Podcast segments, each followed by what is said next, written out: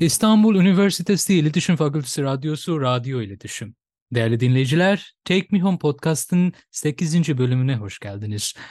Şimdiye kadar yapmış olduğumuz bölümler için sizin sevginiz, olumlu yorumlarınız ve canlı tepkileriniz bizim için ilham kaynağı oldu ve tüm dünya için kültürel bağlamda bir umut kaynağı oldu. Çünkü podcastımızda kaybolma riski altında olan kültürel ve antropolojik kimlikleri arşivleme çabası içerisindeyiz.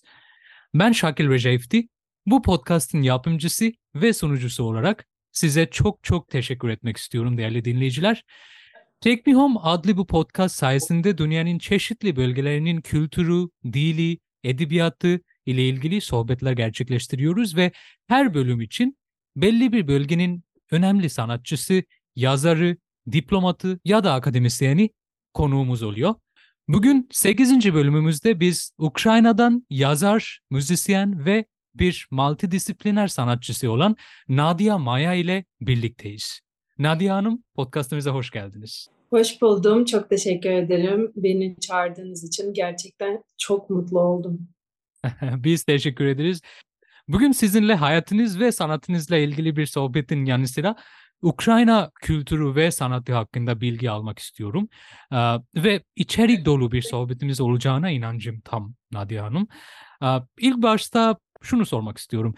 Siz bir yazar, müzisyen ve birçok alanda faaliyet gösteren bir multidisipliner sanatçısınız. Peki kendinizi nasıl tanıtmayı tercih ediyorsunuz? Evet, bu doğru. Ben çok alanlarda uzmanlaştım ee, ve ben şuna inanıyorum esasında bir insanın farklı hayat dönemlerde pek çok şey yeteneği olabileceğini düşünüyorum. Ancak bu hayatta en önemli şey iyi bir insan olmaktır. Ve ben de aynı şekilde iyi bir insan olmayı umuyorum. Oo, ne güzel bir cevap. Şimdi bir yazarsınız, bir müzisyensiniz ve birçok alanda tabii faaliyet göster gösterdiniz. Diğer e, alanlarla ilgili bilgi verebilir misiniz bize? Yani başka neler e, yapıyorsunuz ve yapmayı düşünüyorsunuz? Sizin bir kitabınız var. E, benim de birazcık okuma fırsatım oldu. Türkçe dilinde olduğu için. O kitaptan da birazcık bahseder misiniz bizim dinleyiciler için? Rica etsem. Evet tabii ki. Tabii ki. Ee, benim birinci kitabım Kendinle Mutluysan Kimseyle Derdin Olmaz diye bir kitabım var. Oh. Bu kitap e, kendi hayat, kişisel hayatım üzerinde verdiğim örnekler. Aynı zamanda dişil ve eril enerjiler bir insanın içinde nasıl dengeler, aynı zamanda bilinçaltı, bilinç ve bedenin dilleri olduğunu ve bu dillerle biz nasıl konuşabiliriz, onları nasıl öğrenebiliriz ve nasıl iletişime geçebiliriz. Aynı zamanda pratik bir kitaptır. Yani içinde birçok meditasyon ve çalışma e, içeren bir kitap. Yani teorik bilgilerle birlikte pratik e, bir aksiyon adımları veriyorum ve insanlar onu okurken akıllı bir kitap aynı zamanda QR kod okutabiliyor ve YouTube'a yönlendiriliyor.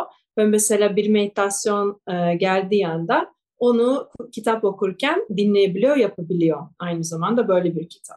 Oh ne güzel ne güzel. Ben e, şunu çok şaşırtıcı aslında Nadia Hanım. Yani bana göre ben de bir yabancı uyruklu biriyim. Türkiye'ye çok daha sonra geldim. Bangladeş uyrukluyum ve sıfırdan Türkçe öğrendim ve hala da öğrenmeye çalışıyorum. Siz de Ukrayna'dasınız ve Ukraynalısınız ama yine Türkçeniz o kadar mükemmel ki Türkçe dilinde bir kitap bile yazdınız ve Türkçe seminerler veriyorsunuz. Yani nasıl mümkün oldu? Yani Türkçeniz nasıl bu kadar mükemmel oldu? Bundan biraz bahseder misiniz? Teşekkür ederim. Bence yabancılar için mükemmel olabilir. Türklere sormak lazım mükemmel mi diye. biraz ondan.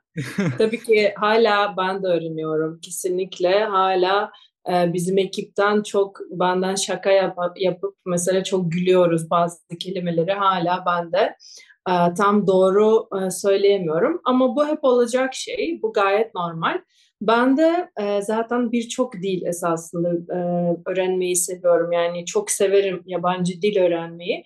Bir söz var çok sevdiğim bir söz. Bir lisan, bir insan diye. Hmm. Yani bir lisan öğrendiğimizde biz esasında başka bir kişiliği de barındırmaya başlıyoruz. Ve aynı zamanda farklı şeyi içimizden e, keşfediyoruz ve gerçekten de öyle oldu. mesela Türkçe benim için de öyle oldu. Ben zaten Türkiye'de yaşamaya karar verdikten sonra hemen Türkçe öğrenmeye başladım ve herkese etrafından benimle Türkçe e, konuşmayı zorladım. Yani İngilizce bile konuşanlar ben böyle bekliyordum. Sanki anlamıyormuşum gibi bekliyordum ki Türkçe konuşsunlar. Biliyorum bu zor olabiliyor ilk baştan Türkçe öğrenen insana yavaş konuşuyor vesaire. Hı-hı. Ama ben gerçekten sabırla bunu e, sürdürdüm bu şekilde. Ve e, kesinlikle benim Türkçemi gelişme e, sağlayan burada yaşamam çoğu Hı-hı. zaman Hı-hı. ve çok Türk arkadaşlarım var. Ben, ben etrafımda çok çok Türk arkadaşlarım var. En iyi arkadaşım da Türk benim mesela Hı-hı. bir kız arkadaşım. Ve ben mutlaka onlarla hep Türkçe sohbet ettim. Hep dinledim, hep hikayeleri dinledim, hep sordum bu ne demek, şu ne demek diye. bu şekilde geliştirdim ve tabii ki sonra da eğitimleri vermeye başladığımda çok daha da gelişmeye burada da okudum aynı zamanda eğitim verdim ve yazarken mesela zorlanmadım esasında Türkçe yazarken. Mutlaka hatalarım oldu. Yani benim editörüm mutlaka çok çalıştı. Ama demek istediğim akıcı bir şekilde yazdım. Hiç başka bir lisanla Rusça ve İngilizce içinden gelmedi. Yani bu ilginç bir şey. Ve bence bu gerçekten bir lisanı yani bir dili e, eğer biz içimizden yaşarsak onu içleş, e, içimizden böyle hissedersek o zaman biraz daha kolay öğrenebiliyoruz. Kesinlikle öyledir. Ve tabii ki bu Türkçe öğrenirken Türklere karşı ve Türk kültürüne karşı bir e, bir e, nasıl diyeyim bir duygu ya da bir sevgi de e, gelişmiş evet. durumunda. Çünkü bir kültürü sevmezsek o kültürün dili öğrenmek gerçekten zor olacağını düşünüyorum. Peki siz şimdiye kadar hangi ülkelerde oldunuz ve hangi kültürler, hangi diller e, öğrenmeye çaba gösterdiniz? Bunu da merak ettim. Evet, ben şimdiki ikinci kitabımda bu bölümü de anlatıyorum. Ben hep farklı dillere, farklı kültürlere hep merak gösterdim. Çünkü bunu gözlemledim. Ben Ukraynalıyım, Kiev'de doğdum ve benim ana dilim Rusça. Yani benim annem ve babam kökler olarak Rusya'dan gelip sonra ben de Ukrayna'da doğdum. Ve birçok zaman Ukraynaca sonra a, öğrendim ve şunu gözlemledim. Hep insanlar birbirinde farklılıklardan dolayı ayrımcılık yaşıyoruz. Ve ondan dolayı bunu merak ederken e, pek çok kültürlerle bunu görmeye başladım. Ve ilk fırsatta en zıt kültürlere mesela ben 18 yaşındayken tek başıma artık dünyayı gezmeye başladım ve ilk gittiğim ülke Arap ülkeler oldu. Çünkü hmm. çok zıt bir kültür. Ukrayna'nın kültüründen tam zıtı. Sonra Afrika, sonra Uzak Doğu ve sonra Japonya'da yaşadım. Ve sonradan Japonya'da biraz uzun kaldım. Orada da Zen felsefesi öğrendim. Uzak Doğu e, pek çok ülkelere gittim. Yani e, son zamanlarda Avrupa ülkelerde daha çok çünkü turne ve seminer, kitap imzaları ve konuşmalar orada oluyor. E, çok gitmek istediğim yerler var, daha gitmediğim Brezilya gibi, Avustralya gibi, İsrail gibi yerler. Mesela onlara gitmedim. Çok uzak yerlere de gitmek istiyorum. Mesela ilginç adalar vesaire. Bir hayallerimden bir tanesi mesela tekneyle Atlantik'i geçirmek ve esas tekneyle dünyayı bu şekilde gezmek. Bu benim çok uzun zaman 20 yaşlarımdan beri bir olan bir hayal. Onu bir gün e, yapacağımı umuyorum. Aa, ne güzel ne güzel yani tam bir sanatçısınız çünkü yani bir sanatçının herhangi bir ülkesi olmuyor. Ee, sanatçının herhangi bir sınırı olmuyor. Yani siz tam bir sanatçı hayatını yaşıyorsunuz diye diyebiliriz ve e, tabii ben bir sonraki soru olarak şey soracaktım size. Yani sizin sanatınızda Ukrayna'nın e, etkisi nasıldı ama şimdi belki şunu sormam gerekecek. Sizin sanatınızda bu gezdiğiniz ülkelerin etkisi nasıldı? Ondan sonra belki Ukrayna'nın özel bir etkisi varsa e, ondan bahsederseniz çok sevinirim. Kesinlikle e, ben de kendime bir herhangi mesela Ukraynalı olarak e, söyleyemiyorum. Gerçekten bir insanın bir kalbinde olan bir yani hep kalbim nerede benim? Yani kalbimle bağlantıysam ben yani her yerde evde hissedebilirim. Yani merkezde hissediyorsam her yer benim için evim. Ve gerçekten de öyle oldu. Pek çok yerlerde mesela zor zamanlar da oluyor. Tek başına özellikle seyahat ettiğinizde ve hep bir yardım oluyor ve hep e, çok iyi insanlarla karşı karşıya geliyoruz. Ben gerçekten buna inanıyorum. Yani insan kalbinde bağlantıdaysa gerçekten dış dünya ona hep yardım eder. Yani hep böyle sıcak insanlar olur. Ve kesinlikle bütün gezdiğim ülkeler, tanıştığım insanlar kesinlikle sanatıma e, dokundu.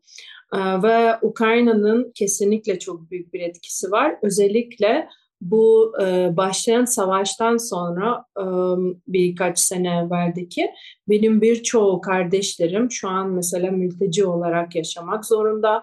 Çoğu arkadaşlarım evleri terk etmek zorunda. Aynı zamanda Rusya'daki akrabalarım ve arkadaşlarım aynı şekilde evleri terk etmek zorunda.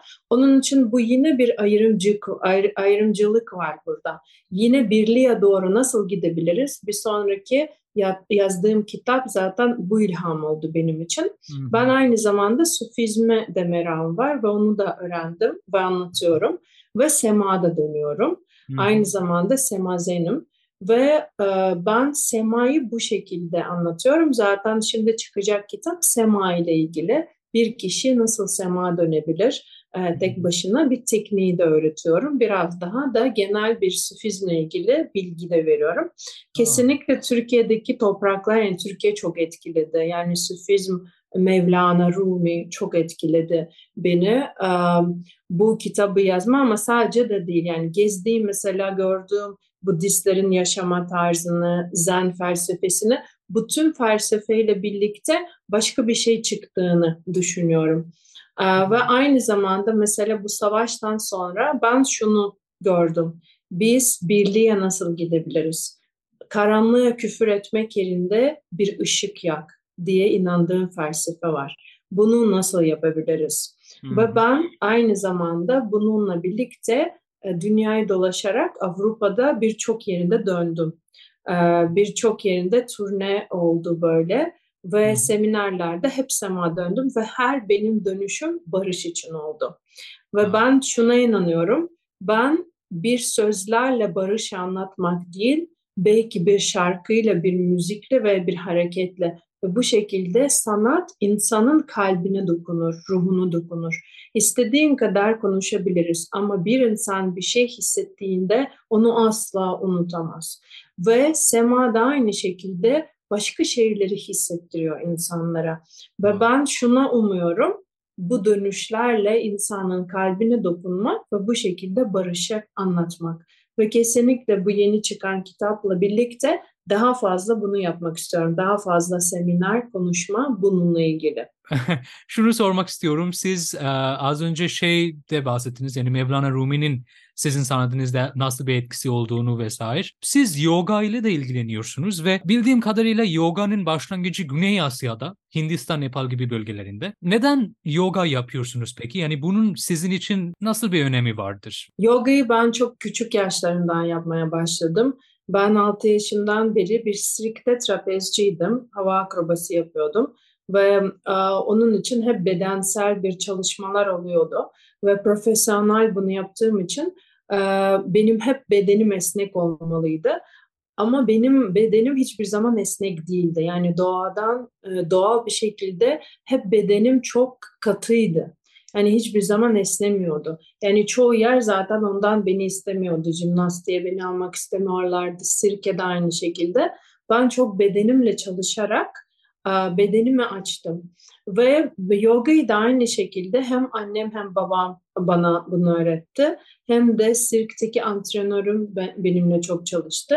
Yogayı sadece meditasyon değil, aynı zamanda hareketleri, asanaları da yaparak şunu fark ettim ben bedenimi esnetirken zihnim esnedi. Ben bedenimle hareket ettikçe zihnim hareket etmeye başladı ve esas zihnim açıldı. ve şunu fark ettim. Mesela yoga da aynı şekilde çok doğru söylüyorsunuz. Yoga evet e, uzak doğudan başlayan e, bir disiplin ve yoga da sema gibi aynı şekilde ilk önce erkeklerin yaptığı bir disiplindir. Bu mesela yoga şöyle başladı. martial arts yapanların yani sanat savaşları yapan erkekler yoga yapmaya başladılar bedeni daha esnetmek için. Hmm. Yani kadınlara esasında izin yoktu yoga yapmak. Çoktan sonra başladı. Hmm. Kadınlar da katıldı. Şimdi sema da aynı şekilde. Sema da normalde ritüelde ve klasik semada sadece erkekler döner, kadınlar dönmezler ama artık modern dünyada kadınlar da katılıyor ve ben zaten bunu daha fazla kadınların da izni var. Herkes bunu yapabilir bu herhangi özel bir gruba ait bir şey değil. Mesela yoga artık çok yayıldı ve çoğu ülkelerde, çoğu yerlerde zaten yapılan ve çok normal bir şey. Um, onun için esasında sadece yoga değil, yogayı ben zaten çok daha yol gibi görüyorum. Hı hı. Tüm bedensel çalışmalar, yani ben e, yogadan sonra çok farklı şeyleri yaptım. İşte dans, aynı zamanda savaş sanatları, pek çok e, bedenle olan hareketlerle hepsi denedim ve zaten burada sonradan başka bir teknikler de olmaya başlıyor. Beden artık kendi üretmeye başlıyor. Sema mesela benim verdiğim pratiğin içerisinde de aynı şekilde bazı yoga hareketleri barındırıyor nefes çalışmalar da var. Çünkü semayı da ben bir aktif bir meditasyon olarak görüyorum. Aynı şekilde beden hareket ettikçe duygulardan arınıyor, bastırılmış duygulardan arınıyor. Çünkü hmm. insanlar bedeni bir depo gibi kullanır ve oraya duyguları bastırır. İstemedikleri şeyleri yaşamak, hissetmek bedene bastırır. Sonra o ağrı veya hastalık olarak içinden çıkar. Ve hmm. sema da, yoga da aynı şekilde. Bunlar hepsi bir yoldur. Bu şey gibi bir hedefe doğru bir Berlin uçacaksın mesela. Uçakla gidebilirsin, trenle gidebilirsin, yürüyerek gidebilirsin, yüzebilirsin. Sana kalmış bir şey. Yani bu farklı yollar. Bir şey fark ettim ben. Sizin sanatınızda siz tüm dünyayı barındırıyorsunuz aslında. Yani e, batıdan e, birkaç pratiği aldınız, sonra doğudan, yani tüm dünyadan, her yerden e, sizin sanatınızda bir etkisi var. Yani gerçekten bu çok e, ayırt edici bir şey. Sizin sanatınızın sanatınızla ilgili söyleyebileceğim. Peki Nadia Hanım şunu sormak istiyorum. Yani sizin çocukluğunuz nasıldı? Yani nasıl başladı? Ne zaman bir yazar olma ya da bir sanatçı olma fikri aklınıza geldi? Şunu sormak istiyorum. Yani çok basit hmm. bir soru oldu aslında sizin şimdiye kadar anlattığınız bu ağır sohbet sohbete karşı ama yine bunu sormak istiyorum. Çocukluğunuz nasıldı? Hmm. Bu güzel bir soru. Ben birinci kitabımda da anlattım, çocukluğumu da anlattım. Daha detaylı öğrenmek isteyenler de kitabında okuyabilir. Ben şöyle kısaca anlatayım. Ben hep okumayı çok severdim. Ve tüm esas dünya klasiklerin kütüphanesi vardı babamın. Ve babam hep böyle şey hedef koyardı bize. İşte haftada bir kitap okuyup sonra o kitap üzerinde tartışıyorduk, konuşuyorduk. Ve benim en sevdiklerim mesela ben çok küçük yaşlarımda Tolstoy'u, Gogol'u, okudum. En sevdiğim yazarlardan onlar zaten. E, ve hep böyle okumakla geçti yani benim çocukluğum. Aynı zamanda bunu yaparken de ben yazmaya başladım. O da küçük yaşlarımda. Hmm. Bir yerde küçükken bir yerde şöyle bir şey okumuştum. Bir insan geçmişi geçmişle ilgili konuşurken, hatırlarken yüzde ellisi doğru hatırlıyor, yüzde ellisi uyduruyor. Yani esas çoğu insan geçmişini uyduruyor. Bu fikir çok derin bir şekilde ben de yerleşti ve ben de şunu karar verdim. Günlüklerimi çok küçük yaşlarda tutmaya başladım. Her şeyi olduğu gibi yazmayı. Sonradan baktığımda uyduruyor muyum yoksa gerçekten hatırlıyor muyum diye merak ettim ve görmek istedim. Gerçekten bu doğru mu diye. Ve şunu istiyordum. Mesela benim dedemin veya babaannemin, büyük babamın e, bir kitabı olsa hayat kitabı. Ben onu okuyayım. Yani hep bunu istiyordum. Mesela onun yaşadığı zorlukları neydi? Onlarla nasıl baş edildi? Yani bunları hep bilmek isterdim. Onun için bunları hepsini not alırken, yazarken hep genç nesillere e, bunu aktarayım dedim. Yani mutlaka benim de hayatımda mutlaka orada da öğrenecek dersleri ve belki yardım edilecek şeyleri olabilir. Onun için yazma fikri çok küçük yaşımdan başladı. Ama birinci kitabım benim iki sene önce çıktı. Hı hı. Yani ilk evet ama öğrencilerim için özel şeylerini hep yazardım. Ee, farklı şekilde, farklı böyle kitapçılık gibi ince şeyleri hep sadece öğrencilerime yazardım. Evet sonra da bir e, öğrencim benim e, yayın evin sahibiydi zaten.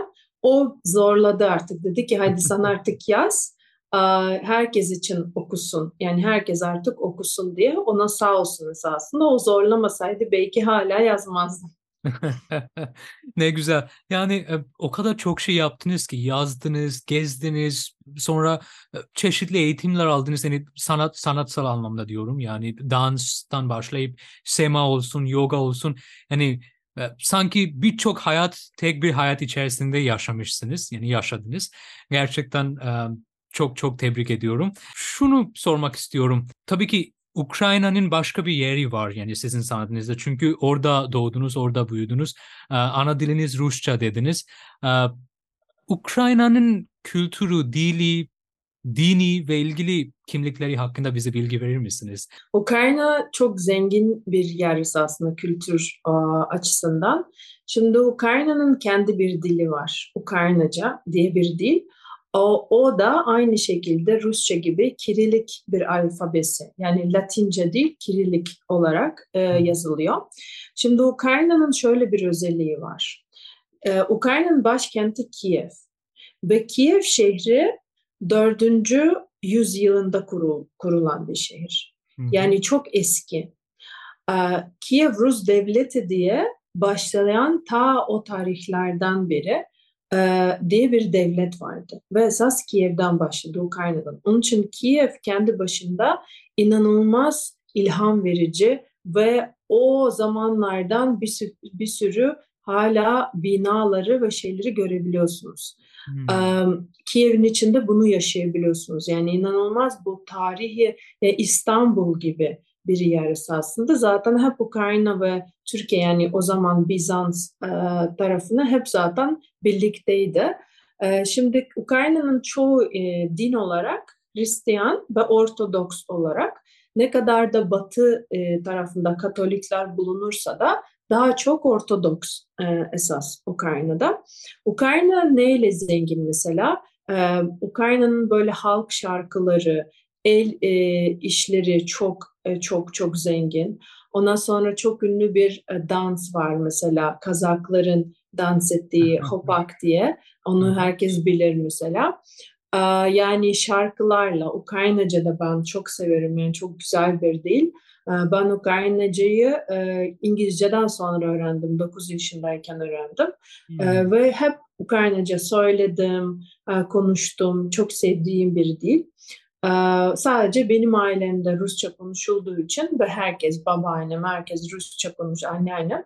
Onun için ana dili olarak hep Rusça e, kaldı. Ama Ukraynacayı da aynı şekilde biliyorum. Yani Ukraynacayı ne şekilde biliyorum söylesem Türkçe gibi herhalde doğru olabilir. Evet. Aha. Aa, çok güzel. O zaman mükemmel bir şekilde biliyorsunuzdur. Türkçeniz mükemmel çünkü. Podcast'ımızın bu noktada sizden bir Rusça ya da bir Ukraynaca şarkı rica edebilir miyiz Nadia Hanım? Tabii ya da, ki. Ve aynı zamanda evet, sizin evet. yazdıklarınızdan bir eser okursanız evet. bizim dinleyicilerimiz için çok mutlu oluruz. Bu e, Rusça şarkı bu bir benim kendi yazdığım bir parça. Ben aynı zamanda müzik de yazıyorum. Ee, gitar gitarla birlikte gitarı hazırladım zaten önceden. Çok seviyorum ben müzik yazmayı da. Fırsat buldukça hep yazarım. Bu parçanın ismi e, Benim Gücüm diye Rusça bir parçası. Bir parça, tüm şarkıyı çok uzun olacak. Bir parça söyleyeyim tamam, onlardan. Tamamdır. Одет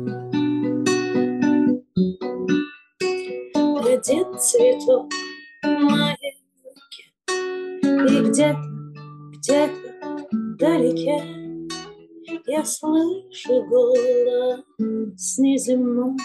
Он шепчет что-то над тобой О, проснись, открой свои глаза.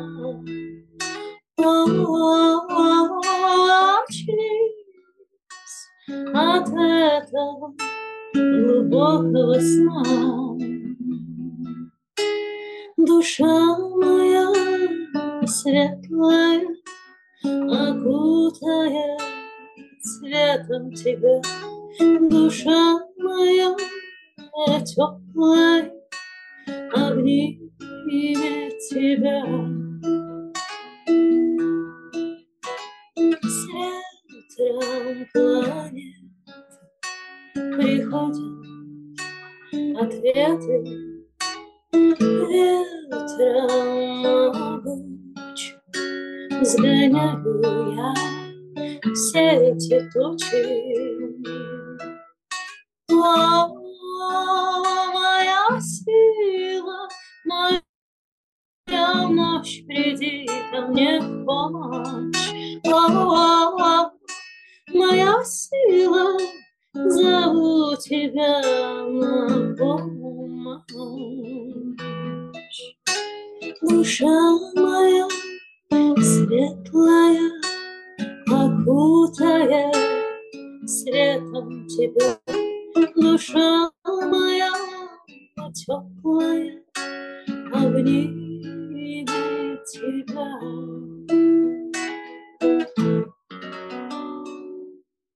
Wow, ne güzel, ne güzel. Yani e, müziğin zaten herhangi bir Hani bir müzik anlamak için zaten dili e, anlamak önemli değil. Yani gerçekten çok çok güzel melodisi ve sizin e, bu sanat yoluyla paylaştığınız enerjisi gerçekten mükemmel. Çok çok teşekkür ederiz.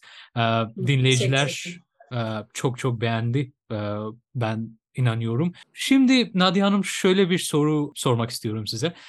Siz biliyorsunuz yani dünya çapında birçok kültürel kimlik kaybolma riski altında. Yani bu konu ile ilgili neler yapılabilir? Bir sanatçı olarak siz ne düşünüyorsunuz? Yani birçok dili, kültürü kaybolma riski altında. Neler yapılabilir acaba? Evet, bu gerçekten bir büyük bir sorun modern dünyada. Özellikle her şey bu kadar hızlı yaşanırken ve yeni neslin şöyle bir riski var her şey tüketici bir mantığıyla yaşanıyor esasında. Çoğu gördüğüm bu.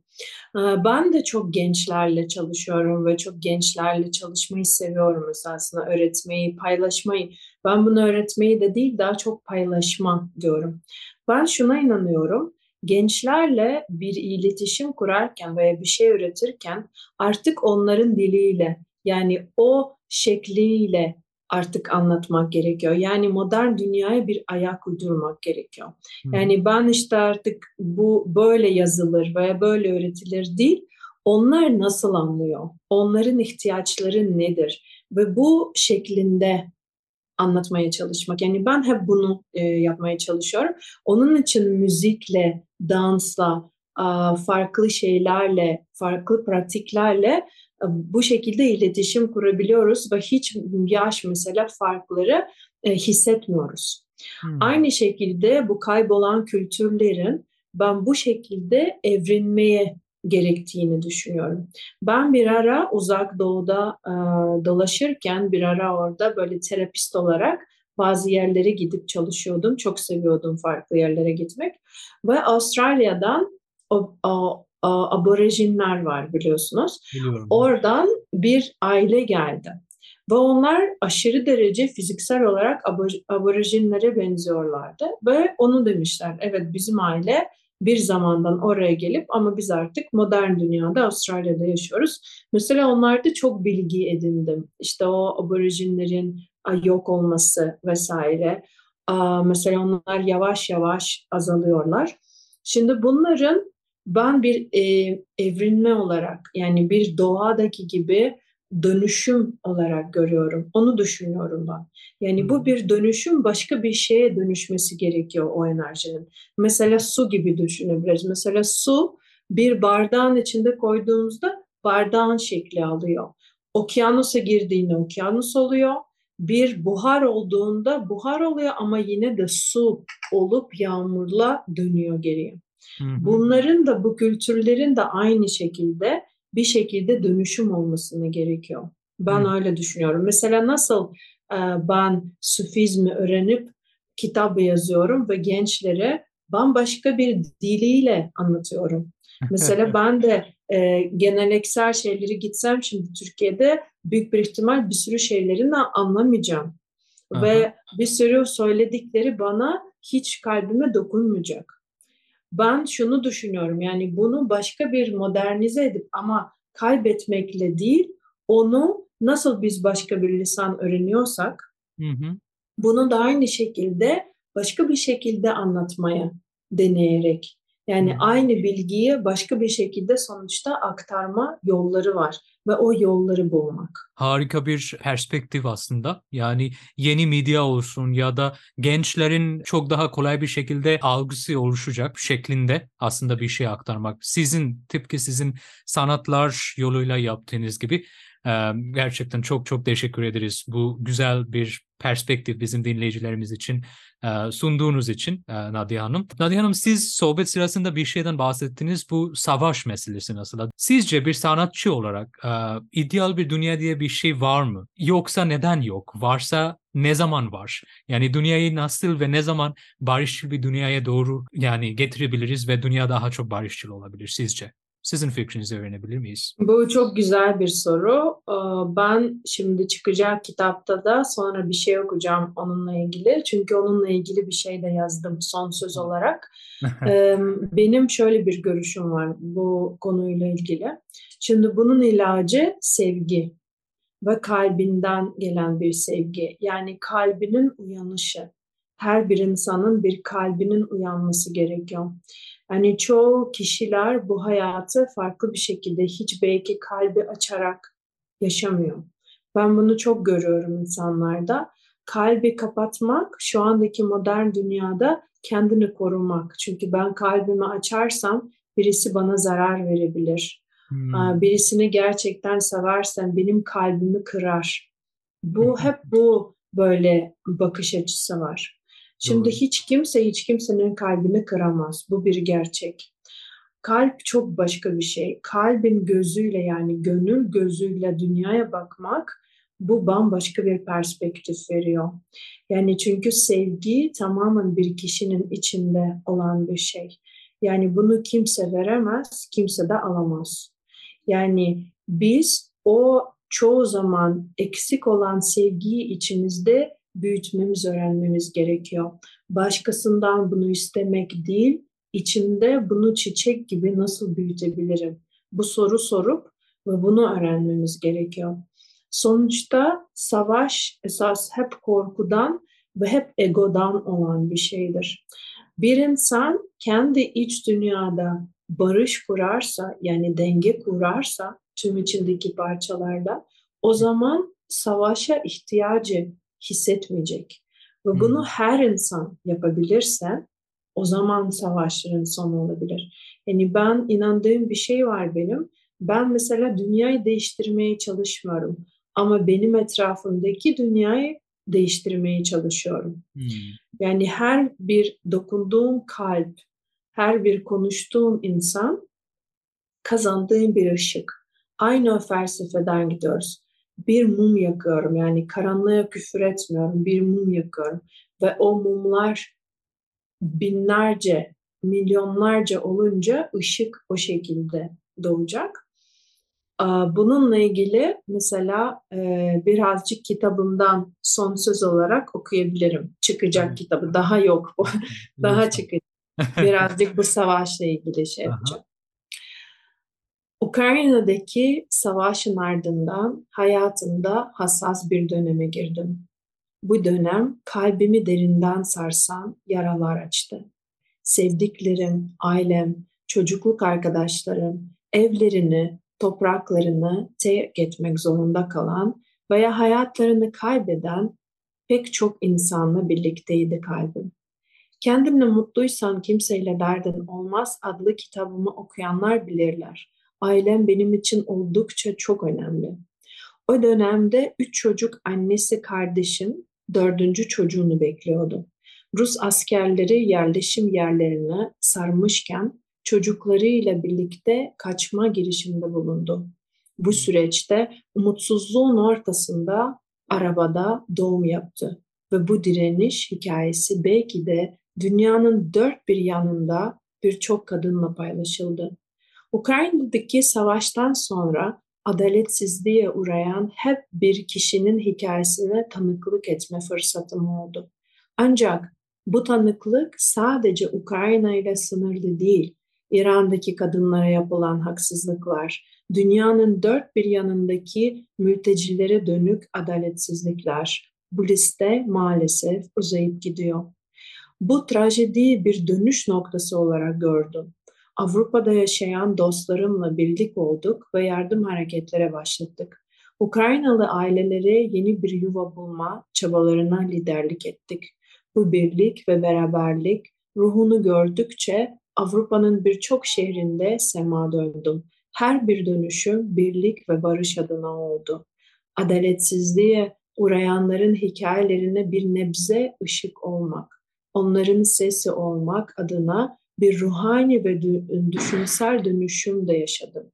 İnsanların yararlarını sararak birlikte daha güçlü bir toplum inşa etme çabalarına, dönüşümlerine eşlik ettim. Benim yaklaşımım her zaman ışığa yöneliktir. Karanlığa küfür etmek yerine mum yakmayı tercih ederim. Işığın gücüne inanırım. Işık karanlığı yok eder ve yol gösterir. Kendi ışığımızı yakmak başkalarının da aydınlanmasına yardımcı olur. Bu düşünceyle hareket ederek başkalarının da dönmeyi ve kendi ışıklarını yakmayı seçmelerine ilham olmayı umuyorum. Herkesin bu dönüşe katılabilme hakkı vardır.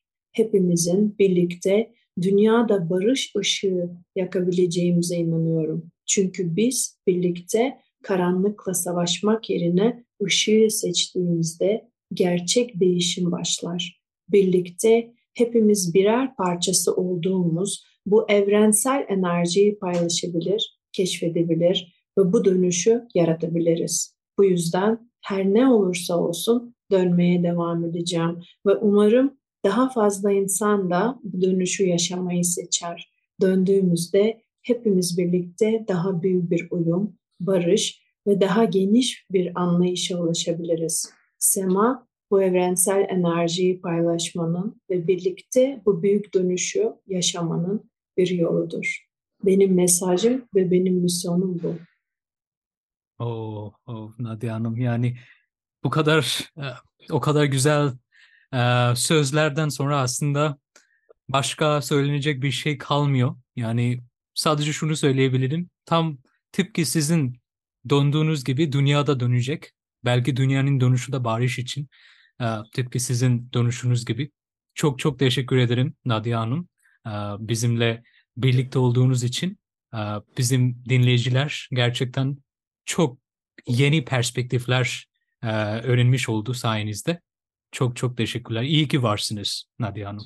Ben çok teşekkür ederim. Gerçekten çok keyifli bir sohbet oldu. Umarım bu mesajlar gerçekten ve insanlarla daha fazla merak uyandırır. İnsanlar daha fazla araştırır ve içine döner, kalbine döner ve hep kalbinin sesi dinlerler. Benim mesajım bu. Çok teşekkür ederim. Değerli dinleyiciler, Ukraynalı multidisipliner sanatçı Nadia Maya ile çok harika bir sohbet ettik. İçerik dolu bir sohbet ettik. Bizimle birlikte olduğunuz için değerli dinleyiciler size de çok çok teşekkür etmek istiyoruz. Daha güzel, daha barışçıl bir dünya ümidiyle hoşçakalın.